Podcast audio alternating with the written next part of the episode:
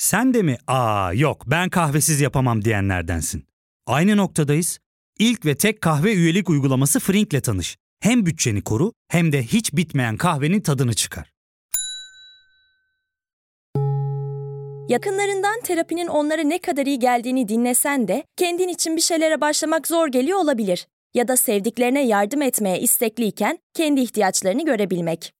Hayvel, uzman psikologlarıyla kendi ihtiyaçlarını bulmanda sana destek olacak. Terapi yolculuğuna başlamak için detaylı bilgi bölümün açıklamalarında. Herkese merhaba. Bu kaydı 19 Mart'ta alıyoruz ve bu bölümde amacımız size güncel gelişmeler ışığında bir Türkiye fotoğrafı göstermek olacak. Bu fotoğraf önemli. Bunu yaparken çünkü son bir haftanın trend topik konularını sizlere sunacağız ve memleketimizin tüm bu hengame içinde neleri tartıştığını tarihe not düşeceğiz. Bir gazetecinin gözünden Türkiye nasıl görünüyor? Bu bölümün konusu bu olacak. Amacımız bir önceki bölümde andığımız anti Erdoğanizmin kaynaklarını inebilmek. Erdoğan'ın karşısında nasıl birleşebiliyoruz? Daha önce birleşmiş miydik? Birleşince ne olmuştu ve bizi birleştiren duygu ne?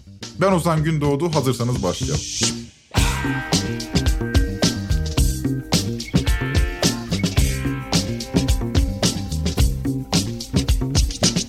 Toz bulutu geçtiğinde bugünleri nasıl anacağımız son derece önemli.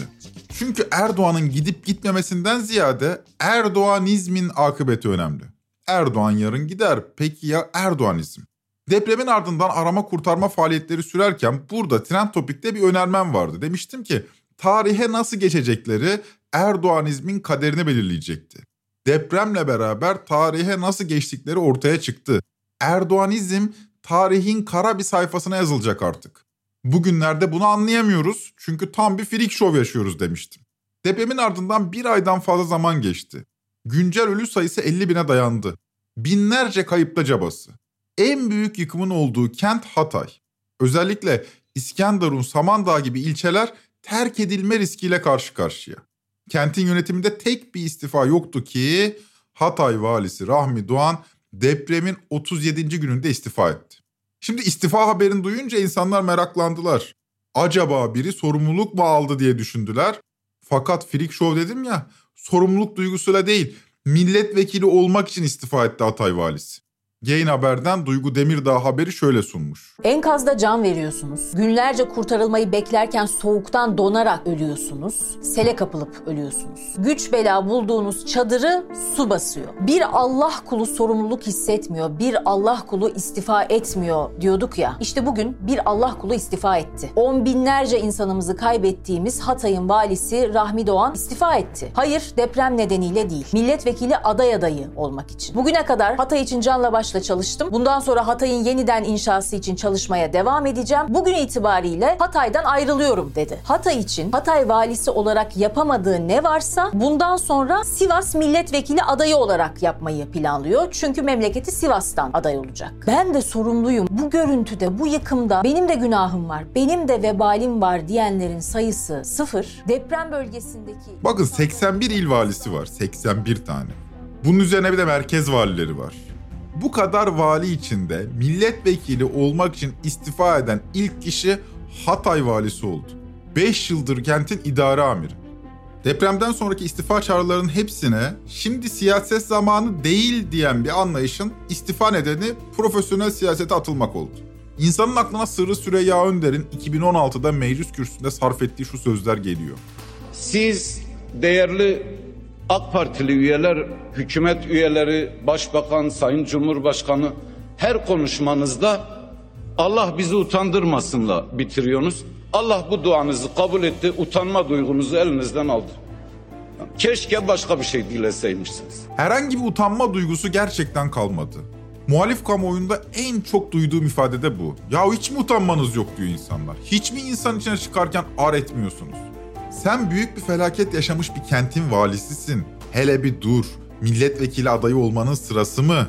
Ya kimse mi yok bu adamın çevresinde? Sayın valim yanlış anlaşılır demiyor mu bu adamın çevresindeki kimse? Ya da hiç mi dostu yok? Ya Rahmi yönettiğin kentte on binlerce insan ölmüş. Ölülerin daha kırkı çıkmamış. Hiç mi utanmıyorsun demiyor kimse. CHP Hatay Milletvekili Suzan Şahin de bu konuya değinen bir konuşma yapıyor mecliste. Yani Hatay valisi Rahmi Doğan'ın milletvekili değil, utanmama konusuna ilişkin. Suzan Hanım aynı zamanda bir depremzede. 6 Şubat günü de memleketi Hatay'da. Meclis açıldıktan sonra kürsüye geliyor ve yaşadıklarını anlatıyor. Bu utanma meselesi onun da gündeminde. Diyor ki, ben depremin 9. gününde aynaya bakınca yüzüme tükürdüm. Siz nasıl utanmıyorsunuz? Bugüne kadar utanmadınız. Şahin. Tedbir almadınız. Anlamadınız. Dinleyeceksiniz. Dinleyeceksiniz. Dinleyeceksin. Şu kadarcık küçücüktüm. Buraya Kızılay'ı takar kumbarayla para toplardım. Kızılay'a yardım olsun diye. Ben madalyalı bir kan bağışçısıyım. Ama şimdi kanımı verirsem satar mı diye düşünüyorum. Ne hale getirdiniz o güvendiğimiz kurumlar? Çadır satıyor. Yiyecek yiyecek satıyor. Utanın. Ben dokuz gün sonra erikli suyla saçımı yıkarken aynada yüzüme tükürdüm. Yüzüme tükürüyorum.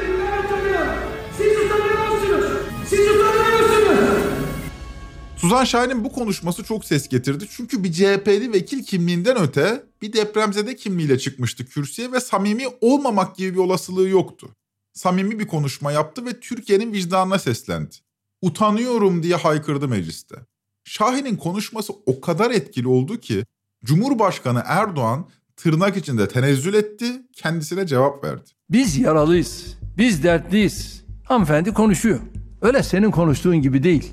Hatay milletvekiliymiş. Hatay milletvekili olmak seni bir yere kadar bağlar. Ama Hatay milletvekili olmanın ötesinde Cumhurbaşkanı olarak biz sadece Hatay değil 11 ilin 11'inde de aynı hassasiyetle çalışmalarımızı sürdürdük, sürdürüyoruz ve sürdüreceğiz. Sistem tümüyle bir anonim şirket gibi yönetiliyor ve şirket olmanın doğası gereği şirketin sahibi olan patron sorumluluk almıyor. Fakat henüz kimseye de görevden almış değil. Zira bu patron seçimle iş başına geliyor. Enseyi karartmamak, imajı bozmamak en önemli çaba şu günlerde. Tabi her şey yolunda gidince Hatay valisi Rahmi Doğan da diyor ki e o zaman ben de vekil olayım. Yani her şey yolunda demek. Gözü o kadar görmüyor ki milletvekilliğine aday gösterileceğini düşünüyor. Eğer partisi de körse Rahmi Doğan'ı Sivas'ta birinci sıradan aday gösterir. Tam da bu freak şova yakışan bir iş olur bu. Hatay'ın idare amirine bir de dokunulmazlık zırhı hediye etmiş oluruz. Bu utanma duygusuna toplum olarak ihtiyacımız var. Hepimiz utanmalıyız. Arama kurtarma faaliyeti sürerken nasıl sıcak yatağımıza girmeye utandıysak yöneticilerden de utanma duygusunu talep etmeliyiz. Kimden mesela? Mesela İBB Meclisi AKP Grup Başkanı ve Esenler Belediye Başkanı Tevfik Göksu'dan utanma duygusunu talep etmeliyiz. Kendisini biliyorsunuzdur. İmamoğlu'na birebir markajla görevlendirilmiş bir isim. Kendince İmamoğlu'nun açığını bulmuş.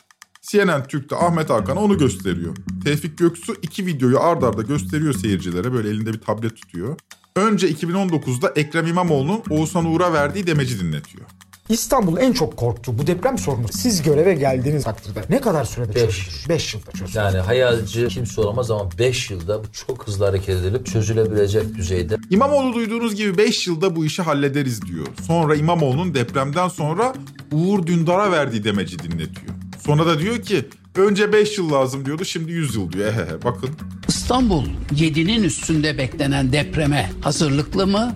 Hızlı hareket edersek İstanbul'un sorununu çözmek için bize 100 yıl lazım. Ne önce 5 yıl lazım. Önce 5 yıl diyor sonra 100 yıl diyor. Gerçekten tuhaf. İnsan 5 yıl lazım dediği şeye 100 yıl lazım der mi? Bunun üzerine İBB Meclisi Grup Başkanı Tarık Balyalı İmamoğlu'nun 100 yıl lazım dediği konuşmanın aslını paylaşıyor. 20 yıldır yapılan hızlı hareket edersek İstanbul'un sorununu çözmek için bize 100 yıl lazım. E 100 yıl sonra İstanbul zaten şu anki binalar eskiyecek. İmamoğlu son 20 yıldaki hızla devam edersek bize 100 yıl lazım diyor. Tevfik Göksu o son 20 yıldaki ifadesini kesiyor veya kestiriliyor bir şekilde ve hızla devam edersek bize 100 yıl lazım dedirttiriliyor İmamoğlu'na. Nereden geldik buraya? Utanma duygusundan geldik. Siyasetinize bir ahlaki çizgi belirlemek zorundasınız. Yani bunu tümüyle ahlaksız bir şekilde yapamazsınız. Tevfik Göksu acaba bu çizgiyi nereden belirliyor? Yani nereden sonra ya bu kadar da ayıp olur diyor. Burası belirsiz. Bu arada tabii bu montaj İBB meclisinde de konuşuluyor. Orada da izletiliyor aynı video ve ekliyor. Bir tarafta bir yerde kentsel dönüşüm yapacağım dediğinde 27 günde evrakı gönderen devlet başkanı, bir tarafta İstanbul'un işini 100 yıla havale eden zihniyet. Tabii AKP ve MHP sıralarında alkışlar, kahkahalar, yuhalamalar vesaire. Tam bir freak show diyorum ya. Nasıl da lafı çaktı bizim başkan? Duygu bu. Ardından İBB meclisinin MHP Grup Başkan Vekili Volkan Yılmaz söz alıyor. İstanbul Büyükşehir Belediyesi'ne adayken 2019'da videosu var. Tevfik Bey izletti. Bakın soru şu. İstanbul'daki kentsel dönüşümü ne kadar zamanda halledersiniz? 5 yıl. 5 yıl maksimum adayken. Peki Büyükşehir Belediye Başkanı olup o görevi üstlendikten sonra Uğur Dündar'ın İstanbul'da 7'nin üzerine bir deprem olduğunda bunun yaralarını bunu nasıl sararsınızın cevabı veya kentsel dönüşümü nasıl gerçekleşsin cevabı 100 yıl. Adayken 5 yılda bir hallederim. İktidar olunca vatandaş sana oy verdi arkadaşım. Kentsel dönüşümü yap diye depremde benim başıma bina yıkılmasın diye oy aldım bu vaadinle. Ama iktidar olunca 100 yıl. Ya siyasetin geldiği seviye bu. Hangisi ya diyor 5 yıl mı 100 yıl mı? Yine kahkahalar, şamatalar falan.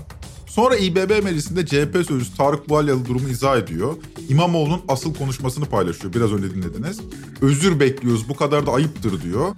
Ardından AKP sözcüsü Murat Türk Yılmaz ya özürlük bir durum yok diye açıklama yapıyor. Evet çok doğru olmamış. Siyaseten etik bir durum değil. Ben bu konudaki üzüntülerimi ifade etmek istiyorum. Ama özürlük bir durum yok arkadaşlar. Çünkü kasten yapılmış bir mesele değildi. Sorun da burada işte. Ahlaksızlık bu şekilde toplumsallaşıyor. Hakikate sadakat anlamını yitiriyor.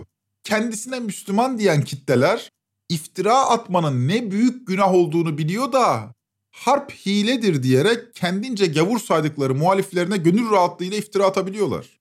Bu noktada İslam dini siyasal İslam'ın elinde bir tür hamura dönüşüyor. Sürekli yoğruluyor da yoğruluyor. Siyasal İslam'ın takipçileri her türlü günaha İslam'a hizmet ettiklerini düşünerek ortak oluyor. Sonuç toplum olarak yozlaşıyoruz. Hepimiz hilekar oluyoruz. Halbuki lafta büyük günah iftira. İftiranın içinde yalan var. Kul hakkı var. Bir de gıybet var. Üç tane Allah'ın büyük günah olarak saydığı şeyi bir şeyin içine sokmuşlar.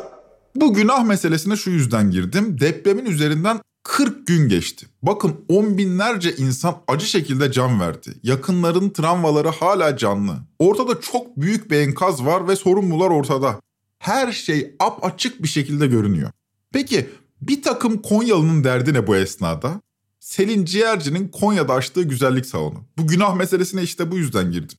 TV100'den Ece Üner'in sunumuyla dinleyelim haberi. Mevlana'nın huzur dolu şehri insanı da bir o kadar misafirperver. Ben gerçekten gittim ve bunu biliyorum, gördüm. Gel ne olursan gel. Yeter ki Selin Ciğerci olma. Türkiye onu sosyal medya fenomeni olarak tanıdı. Sonra kendi markasını kurdu. İnsanlara istihdam yaratan, vergisini ödeyen bir isim Selin Ciğerci. Memleketi Konya'daydı, kendi memleketindeydi. Kendi güzellik merkezinin Konya şubesinin açılışını yapmak için gitmişti. Gururluydu da ama protesto edildi hatta linç edildi. Konya'dan defol sloganlarının atıldığı merkez hizmet veremeden kapandı.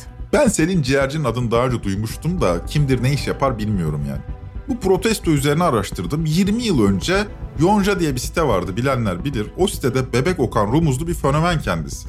Belki de Türkiye'nin ilk fenomeni. Fakat kendisi transseksüel. Zorlu bir sürecin sonunda ameliyat da oluyor ve Selin Ciğerci adını alıyor. Beşiktaşlı bir futbolcuyla da aşk yaşayınca popüler bir figüre dönüşüyor. Bu esnada güzellik salonları işletiyor. Hatta şunu da araştırdım. Ya bu güzellik salonu adı altında başka bir şey falan mı yapılıyor acaba böyle büyük bir tepki gelişiyor? Yok. Biraz sosyete takımına hizmet veren güzellik salonları bunlar. Magazinde falan adı geçen bir figür. Magazin figürü yani Selin Ciğerci. Fakat Konyalı'nın kanına dokunmuş bu durum. Sonuçta diyor bir transseksüel. Açtırmıyorlar salonu. Sadece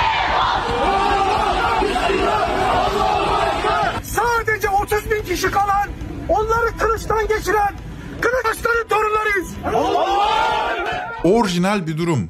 Orijinalliği şu. Ben Selin Ciğerci'yi tanımazken bu insanlar nereden tanıyorlar Selin Hanım'ı? Dinle, diyanetle uğraşan insan görüntüsündeki bu kişilerin de bana kalırsa Selin Ciğerci'yi tanımaması gerekirdi. Aynı topluluğun parçası değiller çünkü. Ya ben bile tanımıyorum. Sen nereden tanıyorsun? Öyle olmasını bekleriz. Mesela bana deseler ki Selin Ciğerci diye biri güzellik salonu açıyormuş. Gidip protesto edeceğiz. Derim ki Selin Ciğerci kim? Bunlar dememiş. Tanıyorlar yani. Yani bayağı ilgililer bu meselelerle. Yeni bir trend topiğe geçmeden önce kısa bir ara verelim burada. Döndüğümüzde kaldığımız yerden devam edeceğiz.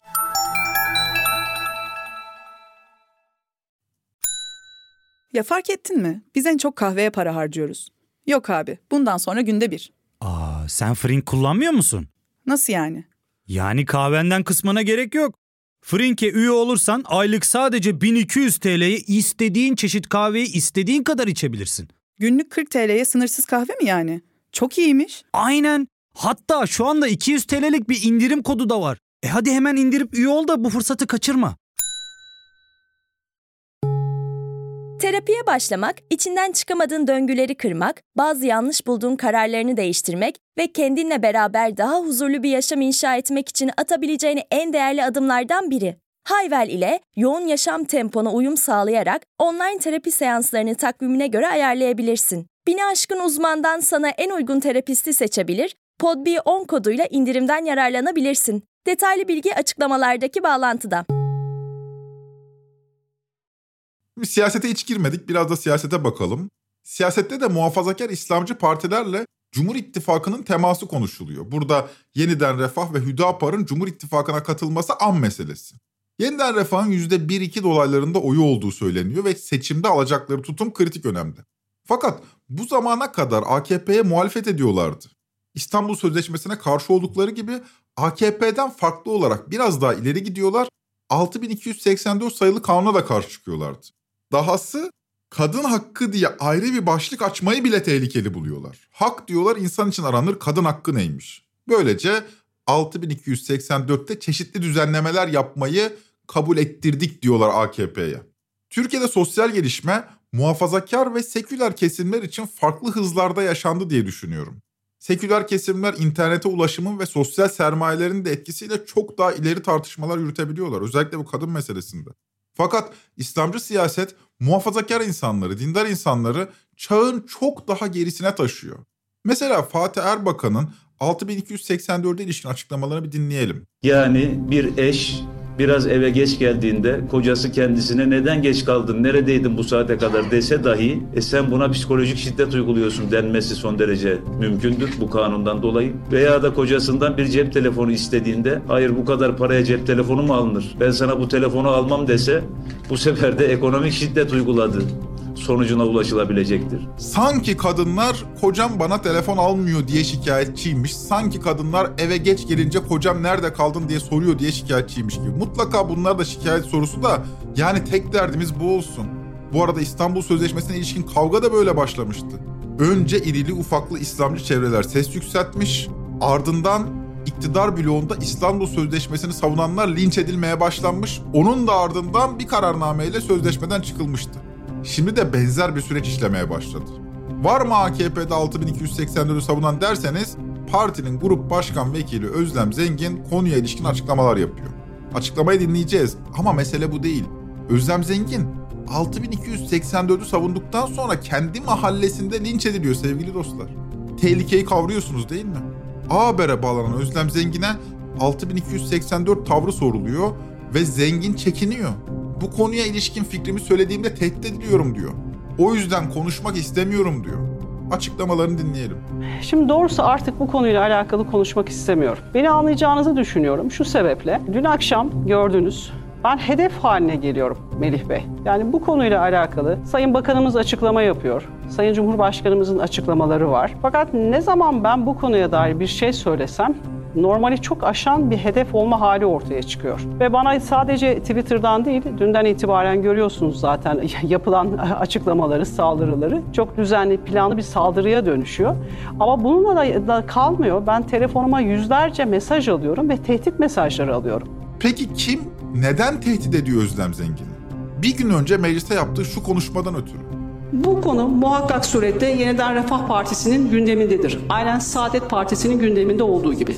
İstanbul Sözleşmesi'nden çıkılmasıyla alakalı, 6284 ile alakalı görüşlerini çokça kamuoyuyla paylaştı. Yeniden Refah Partisi'nin görüşüdür ama biz AK Parti olarak Sayın Bakanımız Derya Yanık da bu konuda bir açıklama yaptı. Sayın Binali Yıldırım'ın da e, ifade ettiği gibi bu konu hiç gündeme gelmedi bu konuşmada diye ifade etti. Ve ben de buradan söylüyorum. Bizim için önemli bir konudur ve kırmızı çizgimizdir. 6284. Peki tehdit eden kim? Bizzat kendi çevresi, kendi politik tabanları. Tablo ortada. Stephen Zweig'ın Min romanındaki gibi. Durdurulması gereken bir amok koşusu bu. Amok koşusu. Zihin körelmiş, bir hastalık hali. Kişi bir cinnet halinde koşuyor da koşuyor, koşuyor da koşuyor. Peki ne zamana kadar koşacak? Ölene kadar. Durdurmanız mümkün değil. Durduğunda kendisi de ölecek. İşte siyasal İslam daha önce de söylediğimiz gibi faşizmin bu topraklara özgü bir yorumu. Ta Nazilere kadar, oradan antikomünist nizam içinde ABD'ye kadar uzanan son derece otoriter bir ideoloji inşası örneği siyasal İslam. Yanlış anlamayın, her muhafazakar parti faşisttir demiyorum. İslamcılıkla muhafazakarlığı ayırıyorum. İslami bir düzen hayaliyle yapılan siyasetten bahsediyorum. İşte bu siyasetten çıkan sonucun bu olduğunu söylüyorum. Bu hafta deprem bölgesinde Urfa ve Adıyaman'da sel felaketi yaşadık. Depremin yarısını sarmaya çalışan kent bir de selle sarsıldı. 18 kişi can verdi. Görüntüler korkunç. İslamcı yazar İhsan Şer Ocak ise bu kadar felaketin Allah'ın bir cezası olduğunu, bu cezanın nedeninin de 6284 sayılı kanun olduğunu Özlem Zengin'e dokundurarak şöyle yorumlamış Twitter'da. Musibet yağıyor. Allah Teala bize acziyetimizi gösteriyor. İbret alıp istiğfar etmek yerine kadın cinayetlerini arttıran, boşanma oranlarını patlatan, hasılı Allah Teala'ya haşa hükümlerin ailede geçmez diyen kanun maddelerine kırmızı çizgi dersek daha çok belaya müstehak oluruz. Burada kırmızı çizgiyi de büyük harfle yazmış. Özlem Zengin'e bunu yapan sana bana ne yapmaz? İstanbul Sözleşmesi kaldırılırken işleyen sürecin aynısı işliyor. 6284'ü savunan bir iktidar yetkilisi ibret olsun diye linç ediliyor. Tabana antipatik biçimde tanıtılıyor. Ardından o cenahta kimse 6284'ü savunamıyor. Şartlar kanunun kaldırılması için uygun hale gelince de gereken adım atılıyor. Ha İhsan Şen Ocağı neden ciddiye alalım ki diyebilirsiniz. Ama işte bu tezgahın en önemli aparatlarından birisi oluyor bu tip isimler. Urfa'daki sel felaketi üzerine Tarım Bakanı Fahriş Kirişçi de konuşuyor. Habertürk'te Kübra Par'ın konuğu olan Vahit Kirişçi uzun uzun kuraklık risklerinden bahsediyor ve sel felaketine olumlu açıdan yaklaşılması gerektiğini ima ediyor. Dinleyelim. Şu anda bir taraftan 15 canımızı aldı ama diğer taraftan da toprak suya kavuştu. Durumu, çevreyi, hakikati kavrayamama bozukluğu mu? Bir cehalet mi? Yoksa tümüyle imaj kaygısıyla manipüle olmuş bir zihin mi? Yani bir ihanet mi? Karar sizin. Üzerine uzun lakırdıya bana kalırsa değmez. Ama valideki Hatay valisinde gördüğümüz durum işte burada Tarım Bakanı'nda da ortaya çıkıyor. Bu esnada deprem bölgesindeki mahrumiyet depremin ikinci ayında da devam ediyor. İktidarın bu zamana kadar kurduğu dil her şeyi biz yaparız, size gerek yok biçiminde özetlenebilirdi kuyruğu dik tutmaya çalışan, imaj kaygısı çok yüksek olan bir dil gözledik son bir aydır. İçişleri Bakanı Süleyman Soylu'nun 13 Mart'taki açıklamaları da belki de bu yüzden gündem oldu. Soylu halktan kahvaltılık istedi. Esas itibariyle şu anda koli kuru gıda en çok ihtiyacımız olan ihtiyaçlardan bir tanesi budur. İkincisi kişisel hijyen ve kişisel temizlik ürünleri. Şampuandan tutun ıslak mendiline kadar buna ihtiyaç var. Üçüncüsü çay, şeker, kahvaltılık. Yine yani burada mümkün olduğunca geçici barınma merkezlerinin gerek çadır olsun gerek konteyner olsun bunların standartlarını yükseltmeye çalışıyoruz. Önümüz Ramazan, iftarı var, sahuru var. Bütün bunların planlamalarını ve hazırlıklarını da yapmaya çalışıyoruz. Anlatıyor Soylu. Bunlar bunlar lazım diyor ve sözlerini şöyle bitiriyor. Onun için bu konuda seferberlik halinde olan vatandaşlarımızdan taleplerimiz bunlardır. Tabii insanın aklına her felaketten sonra vatandaşa çay fırlatılması da geliyor. 40 gün olmuş ya ayıptır. Türkiye'nin 19 Mart 2023 tarihi itibariyle geride bıraktığı bir haftada konuştukları işte bunlardı. Böyle bir ülke, böyle bir toplum, böyle bir devlet. Bu tabloyu gören makul vatandaşın içine afakanlar basıyor. Burada makul vatandaşı vurguluyorum. Bu vatandaşın böyle çok derinlikli ideolojik fikirleri yok ama bir ideolojik itikadı var. Fakat bu ideolojik itikat da önemsiz. Belki HDP, belki CHP, belki İyi Parti seçmeni. Belki marjinal demokrat, belki Türk milliyetçisi. Zaten çoğunun zihni iklime göre şekilleniyor. Yani iklim değişir, Akdeniz olur, vatandaşın da bakış açısı değişir. Fakat ideolojik itikadın ötesine geçen bir başka ortak payda bu tabloda ortaya çıkıyor. O da nedir? O da anti Erdoğanizm. Çok ama çok kuvvetli bir birlik duygusu bu artık. Toplum Erdoğancılar ve ötekiler diye ayrılmış durumda. Ötekiler birbirlerinden ne kadar nefret etse de öteki olma duygusunda ortaklaşıyorlar. Sol görüşlü bir gazeteciyle sağ görüşlü bir genç aynı konferans salonunda bir araya gelebiliyor. Sinan Ateş'in davasına üzülen bir Türk milliyetçisiyle Selahattin Demirtaş'ın özgürlüğünü talep eden bir Kürt genci tümüyle farklı dünya görüşüne sahip olmakla birlikte Erdoğan'ın karşısında olmaları nedeniyle ortak duygudalar. Ortak düşüncede değiller. Bakın altını çiziyorum. Ortak duygudalar. Bu nedenle şu birleşe birleşe kazanacağız sloganı bugünlerin en sembolik sloganı. Birleşe, birleşe kazanacağız. Aday ben değilim, aday hepimiz.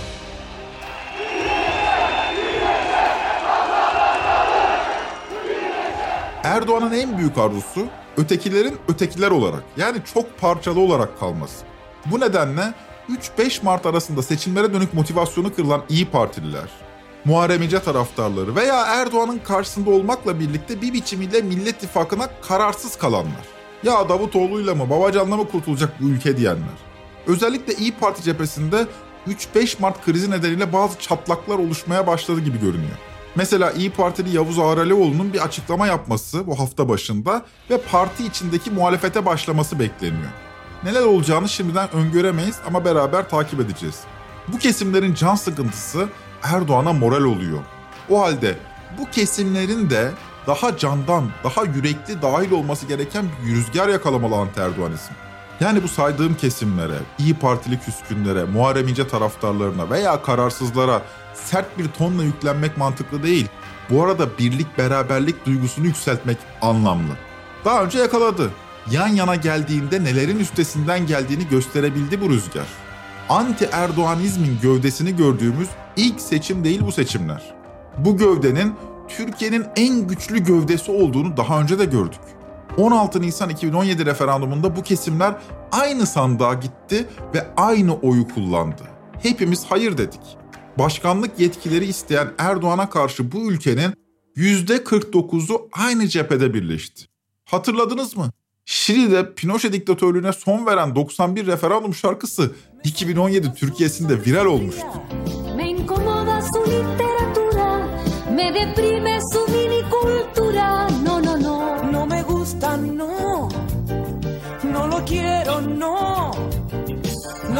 Gusta, no, no lo quiero, no, no. Mühürsüz oylarla bile olsa hayır cephesi %49'u toplamış, İstanbul ve Ankara'da %50'nin üzerine çıkmıştı hayırcılar. Ama sıra hayırcıları yani anti Erdoğancıları aynı aday etrafında birleştirmekteydi.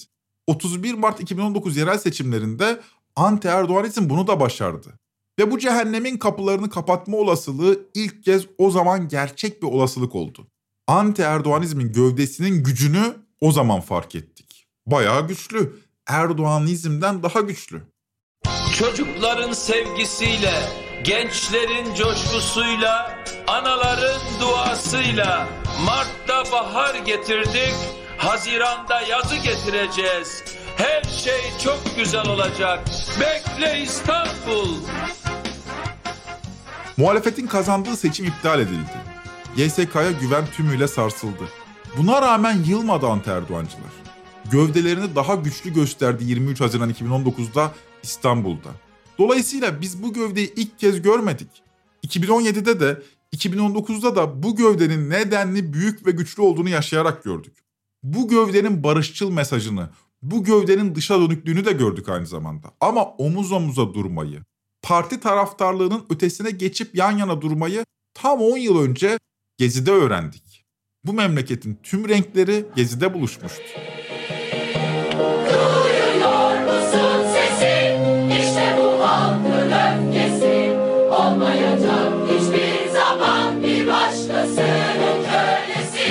Sanki kalp atışları karışıyor davullara.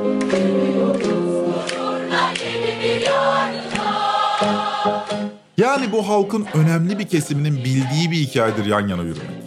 Yarınlara gururla yürüyebilmek. Çünkü bu memleketin hayrına her ne olacaksa artık Erdoğan'dan sonra olacak. Diyerek bitirelim. Trend Topi'yi Podbi Medya ile beraber hazırlıyoruz. Bir sonraki bölüme kadar yarınlara olan inancınız solmasın. Hoşçakalın.